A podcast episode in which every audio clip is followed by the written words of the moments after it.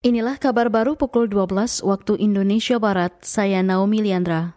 Satuan Tugas Satgas Perlindungan Data Pribadi dibentuk guna mengantisipasi kebocoran data yang belakangan meresahkan masyarakat.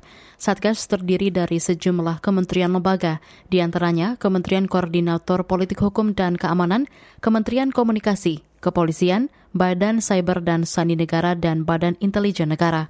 Menko Polhukam Mahfud MD menyebut Satgas telah menemukan berbagai motif para peretas atau hacker melakukan pembobolan data. Nah, ini cuma data-data umum yang sifatnya sebenarnya perihal surat ini, perihal surat itu isinya sampai detik ini belum ada yang dibobol. Motifnya ternyata juga gaduh-gaduh, ada yang motif politik, motif ekonomi, motif jual beli gitu dan sebagainya. Sehingga juga ya motif-motif kayak gitu itu sebenarnya tidak ada yang terlalu membahas. Bahkan kalau dari hasil kesimpulan tadi, apa yang disebut Yorka ini sebenarnya tidak punya keahlian atau kemampuan membobol yang sulit-sulit.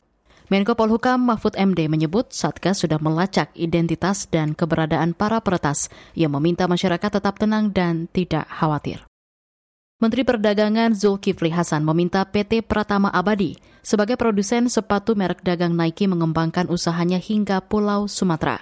Langkah itu bisa membuka banyak lapangan kerja dan mendongkrak ekonomi daerah. Kita dukung, permudah, ya kalau ada hambatan dan sebagainya perusahaan ini terus berkembang. Sekarang di Jawa karena menyerap tenaga kerja banyak, padat karya, dan orientasinya ekspor. kalau dia maju, tadi saya bilang tolong buka lagi di Sumatera. Sumatera banyak yang belum kerja kan. Terus katanya tadi pelabuhannya yang kendala di pelabuhan. Menteri Perdagangan Zulkifli Hasan menambahkan, Sumatera cocok sebagai tempat pengembangan usaha, lantaran upah minimum regional di sana masih relatif rendah, yakni 2 juta rupiah. Selain itu, industri di Sumatera perlu digenjot agar ekonomi tak hanya berpusat di Jawa. Inflasi di daerah istimewa Yogyakarta relatif tinggi, yakni mencapai 5,47 persen.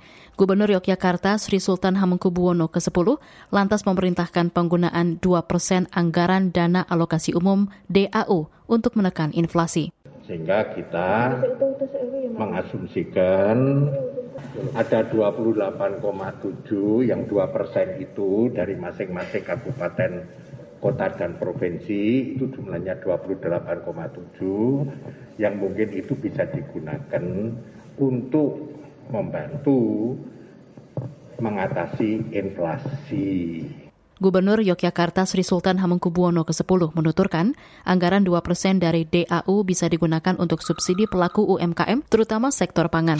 Subsidi ini bisa memangkas biaya transportasi sehingga diharapkan dapat menekan harga pangan dan mengendalikan inflasi. Selain itu, Sultan juga meminta bansos tunai dari APBD dan APBN segera disalurkan. Saudara, demikian kabar baru KBR. Saya Naomi Liandra undur diri.